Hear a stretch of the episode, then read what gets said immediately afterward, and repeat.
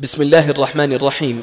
تتشرف مؤسسة الشيخ سليمان الراجحي الوقفية فرع القصيم بالتعاون مع مركز النخب العلمية وبإشراف مكتب الدعوة والإرشاد بحي الصفراء أن يقدم لكم هذه المادة العلمية ضمن سلسلة الدروس العلمية التي قدمت في دورة تكوين مداخل إلى العلوم الشرعية في جامع الراجحي ببريدة.